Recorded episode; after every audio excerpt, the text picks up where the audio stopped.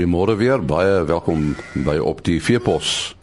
Ons gaan uh, vanoggend gesels oor 'n interessante projek, 'n beesafrondingsprojek. Ons uh, praat nou met Albert Loubser van Veeplaas.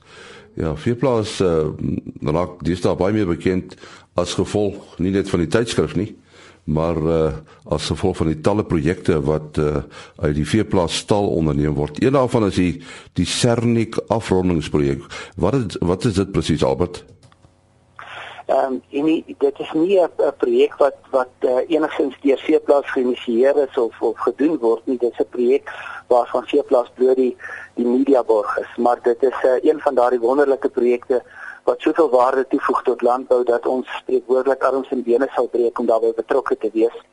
En dit is 'n ehm um, die die die die die projek uit 'n bemarkingsoogpunt noem ons die die Cernik ehm um, presisie afrondings uh, projek en dit gaan daaroor dat 'n student van die Universiteit van die Vrystaat Philip Oosthuizen ehm um, uh, vir vir 'n meestergraad studie 'n projek doen by uh uh Cernik uh, en nie Cerfontein het het uh, uh die fasiliteite tot hulle beskikking gestel wat ek dink hy 'n geweldige groot kompliment voor verdien.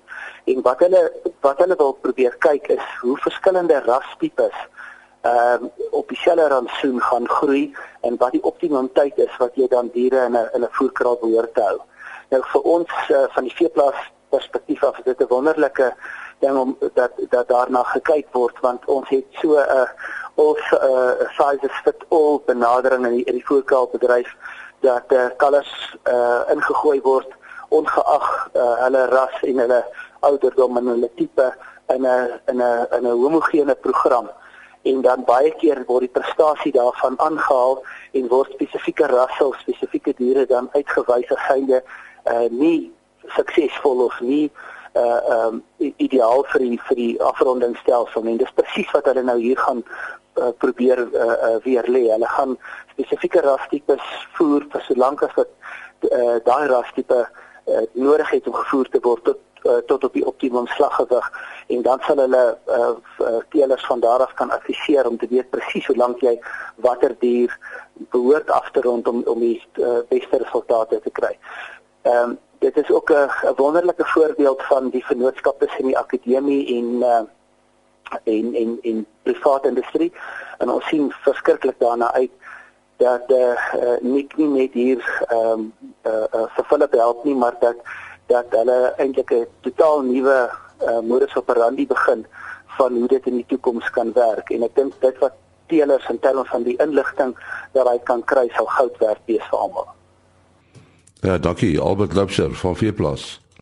Ons uh, gesels nou met uh, met Nick Serfontein oor die uh, sogenaamde Cernik presisie afrondingsprojek. Vertel net vir ons uh, Nick waaroor gaan dit presies? Maar nee, nee, jy weet eh, wat ons toets al sedert 1990 toets ons baie hoofsaaklik bosmaras by ons fase C toetsstasie. Uh en ons seker omtrent al 10000 bosmaras se toets hierso. Maar die ons is toe genader deur koffsies om te hoor of hulle 'n paar rasse hierso kan toets, verskillende rasse. Uh, uh ons het 'n geleentheid gesien om om 'n uh, bietjie meer in wetenskap aan te delf want want 'n voedkraal bestuur beeste is 'n wetenskap en veral tussen die verskillende rasse om die om die optimale voerperiode te betaal wat te bepaal vir elke ras. Nou ons het sewe rasse hier, die Brahmane, die Afrikaner, Simbra, Bonsmara, Angus, Simmeltaner en Lusine. En elkeen verskil ten opsigte van sy optimale voerperiode. So jy het ons sien dit is 'n goeie geleentheid om bietjie met kopsie saam te werk om om bietjie daar in die wetenskap in te deel. Jy het nou gepraat van kopsies, wie is nog betrokke? Ja, in die aksie sak vier plase, ons is baie dankbaar vir vier plase, net uh, tafel toe gekom. En uh, in die aksie sak gaan ons nou natuurlik baie publisiteit kry.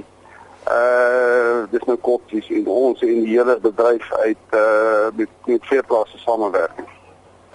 Uh, jy het nou gepraat van die mosmaras, maar is eintlik die hele bedryf wat voordeel trek, nê? Nee? Absoluut bedryf. Uh daar word baie verskillende rasse ge, gevoer in die voerkraal en elkeen het sy eie eie optimale vuurperiode en, en ons gaan ongelooflik baie inligting kry. En dit word al belangriker. Graan word uh, duurder. dit die die die uh kralle uh ekonomie raak al hoe meer marginaal en dit, dit ons ons sal ons sal net ons bestuur met opskerp in Suid-Afrika. En nou oor hoe lank periode loop die projek? Ek is nie 100% seker nie. So ek dink uh, hierdie eerste toets is so 120 dae. Uh bietjie lank ons het die goed so so geraan. Maar jy ek sien hierdie as net 'n begin. Uh en ek dink kopsies ook en seeplaas ook. Dat ons gaan ons gaan ons gaan ander proewe uh uh vir vir vir vir 'n lang tyd oor 'n lang periode, paar jaar. So hierdie is maar net die eerste proef. Ja, ons sê dankie aan Nick Serfontein en uh jy het nou gehoor die projek wat hulle by betrokke is, die presisie afrondingsprojek. Philip uh, Oosthuizen is 'n student uh, verbonde aan die Universiteit van die Vrystaat en hy is ook uh betrokke by die by die Cernik afrondingsprojek. Hoe het jy betrokke geraak, Philip? Uh ons het die hele idee geïnisieer van die departement landbouekonomie. Ehm um, ons het by Bivol te Foucault ook betrokke waar ons ook die projek uh, geïnisieer het. Um, ons het 'n ekonomiese konsep gebaseer op die voedselbeeste en dis hoe ek betrokke geraak het. Die hele projek is ook vir my seë gehad wat is dan in hierdie jaar. Hoekom is so 'n projek nodig? Ons die hele industrie, uh, veral die saaiindustrie beweeg in 'n presisie boerdery rigting in en in die voedselbedryf is daar nie baie presisie boerdery konsepte wat op die oomblik aangaan nie. En ons het die tegnologie en kennis om so iets in werking te stel. Dis hoekom ons besluit het om te kyk na verskillende presisie boerdery metodes waarvan hierdie die eerste een is um, om voedselwinsgewendheid te bevorder. Uh jy sê nou hierdie is die eerste metode. Uh verduidelik 'n bietjie wat behels die metode? Uh die metode behels dat ons uh, verskillende beesteras tipes uh anders wil voer. Uh nie noodwendig aan 'n voer te gee vir nou nie. Uh die hele idee van hierdie projek is om verskillende beesteras tipes omdat hulle unieke potensiaal het uh om te groei um volgens hulle genetiese potensiaal in 'n voerkraal en sodoende wins te genereer. Want ons hierdie verskillende besigheid tipes uh verskillende lengtes van voerperiodes voer in 'n voerkraal om op jou einddag wins um te maksimeer. Uh is dit nou al te vroeg om te praat oor resultate? Uh ja, dis te vroeg. Uh, ons is nou eers 4 weke in die in die proef in, so die diere is nog besig om te groei. Uh ons het ten minste nog ten minste nog 2 maande nodig om te kyk na hierdie uh of daar reg verskille is en so. Ehm um, so ons kan eers aan die einde later tyd ons vat van middel Oktober begin November ehm um, kan ons eers kyk na resultate. Nou watter rasse werk julle op die oomblik mee? Uh ek het ongelukkig nie rasse noem nie. Uh, ons het verskillende rastipes wat verteenwoordigend is uh, wat ons verteenwoordigende rasse het in die rastipes. Uh ek mag ongelukkig nie die rasse se name noem nie. Ek kan wel die rastipes vir noem. Uh, ons het 'n uh, sewe verskillende rastipes wat ons voer. Uh dis 'n bos indigus, en dan ons 'n sangaras, ons het 'n sanga sintetiese ras. Uh dan het ons ook 'n uh, indigo sintetiese ras. Ons het 'n uh, Britse ras, 'n dubbeldoel ras en 'n lean meat ras. Uh, op die ouend gaan natuurlik oor voer omset, né? Nee. Uh dis dis onder andere ja, onder andere ja, ons het die model, die ekonomiese model wat hier omgebou word word om die produksie ag om die ehm um, om die produksiekurwe gebou vir jou unieke rasse. So ons gaan basies die groei en die voer uh, voedername vat van elke unieke ras uh waarom ons ekonomiese faktore gaan bind soos voerprys, karkasprys, uitslagpersentasie. Uh als dit in ag geneem gaan vir ons 'n uh, voerperiode gee waar jy wins maksimeer in terme van marginale inkomste en marginale koste. Nou nou dink jy voergehale gaan uh, ten gunste wees hiervan want dit beteken nou dat jy vir verskillende rasse verskillende uh, soort van 'n voerregime moet gee, né? Nee? Uh ja, kyk op die oomblik uh, word al die rasse dieselfde dieselfde voerantsoen gegee. Ehm um, dit is prakties baie moeilik om verskillende rasse verskillende voere te gee. Ehm um, ons kan met latere navorsing uh, moontlik kyk daarna. As ons kyk na Douglas beef, het hulle byvoorbeeld ehm um, reeds 'n rantsoen uh wat hulle laer 'n laer energie rantsoen vir byvoorbeeld en goeie ehm um, die beste voer. So dis verseker in die pype en kyk later daarna op die oomblik in hierdie proef kyk ons net na jou voerperiode uh, om te kyk dat jy bes nie te lank of te kort voer nie in terme van winsgewendheid. Uh, maar op die oomblik hierdie proef hardloop op presies net dieselfde rantsoen vir al die rastipes. Is dit eintlik 'n doel dat jy verskillende rantsoene gaan gee? Uh nee, nee. Ehm uh, dit is dit is op die oomblik op die oomblik is dit nie in ons visie nie. Ehm uh, dit kan moontlik later inkom, maar op die oomblik probeer ons dieselfde rantsoen regtig deurgee. Ons kan met verdere navorsing uh dalk later kyk weet of of verskillende rantsoene vir verskillende rasse beter gaan werk in terme van winsgewendheid en groei en al daai klas van dinge, maar op die oomblik uh, met ons dit nie in die, in die pipeline nie. Nee. Ja, dit hang seker ook af van die bou van die bees, nê, nee, hoeveel hy gaan vreet. Onder andere, onder andere ons ons probeer ook die bou nou assosieer met die rastipes. So jy kry groot raam, medium, medium en uh groot raam tipe beeste wat ons aan 'n aan 'n rastipe kan konnekteer op die oomblik. So dis ons neem dit al van ag in terme van rastipe. Het julle al nou met die voerkrale gepraat hieroor? Is hulle opgewonde? Uh ons het ja, ons het ja, ons het die industrie reeds laat weet, ehm um, die voerkrale is is verseker, ons het 'n paar wat ons mee gepraat het wat wat baie opgewonde is hieroor. Ehm um, ek kan hulle noem, dis sover as dit Cernik en Bifase voerkraal wat wat reeds ehm um, wat reeds hiervan weet en wat wat die model hopelik volgende jaar gaan ons probeer om dit prakties te implementeer om te kyk of ons die klassifikasie volgens rastipe kan doen en of die hele konsep gaan werk. Ehm um, ons doen nou die teoretiese deel en navorsing en gaan ons kyk of ons volgende jaar ding kan implementeer. Ons het ook verskillende bees ehm um, die beesgenootskappe wat ook baie uh, baie opgewonde is oor die projek. Ehm um, so ons ons sien uit na die resultate. So mens dieselfde ding kan doen met die totaal gemengde rantsoene by by melk.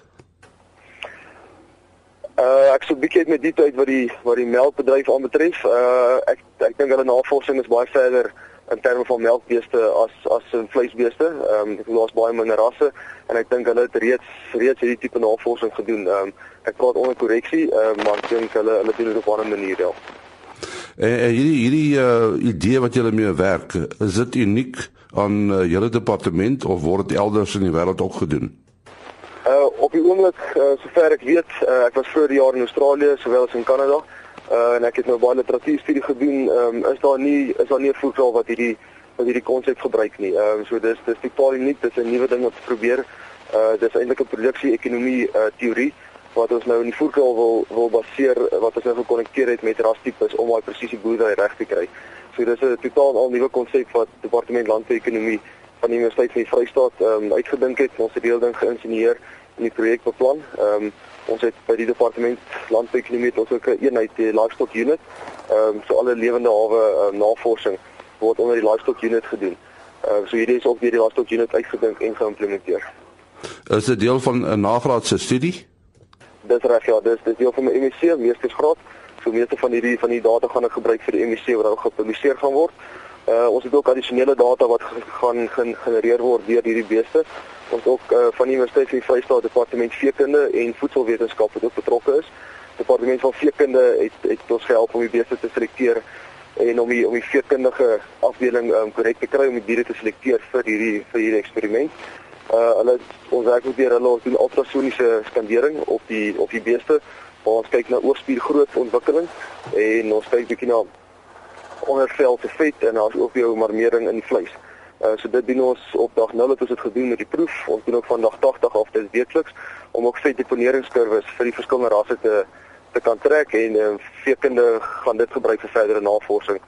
Uh departement van voedselwetenskap of Arno Hugo is daar betrokke.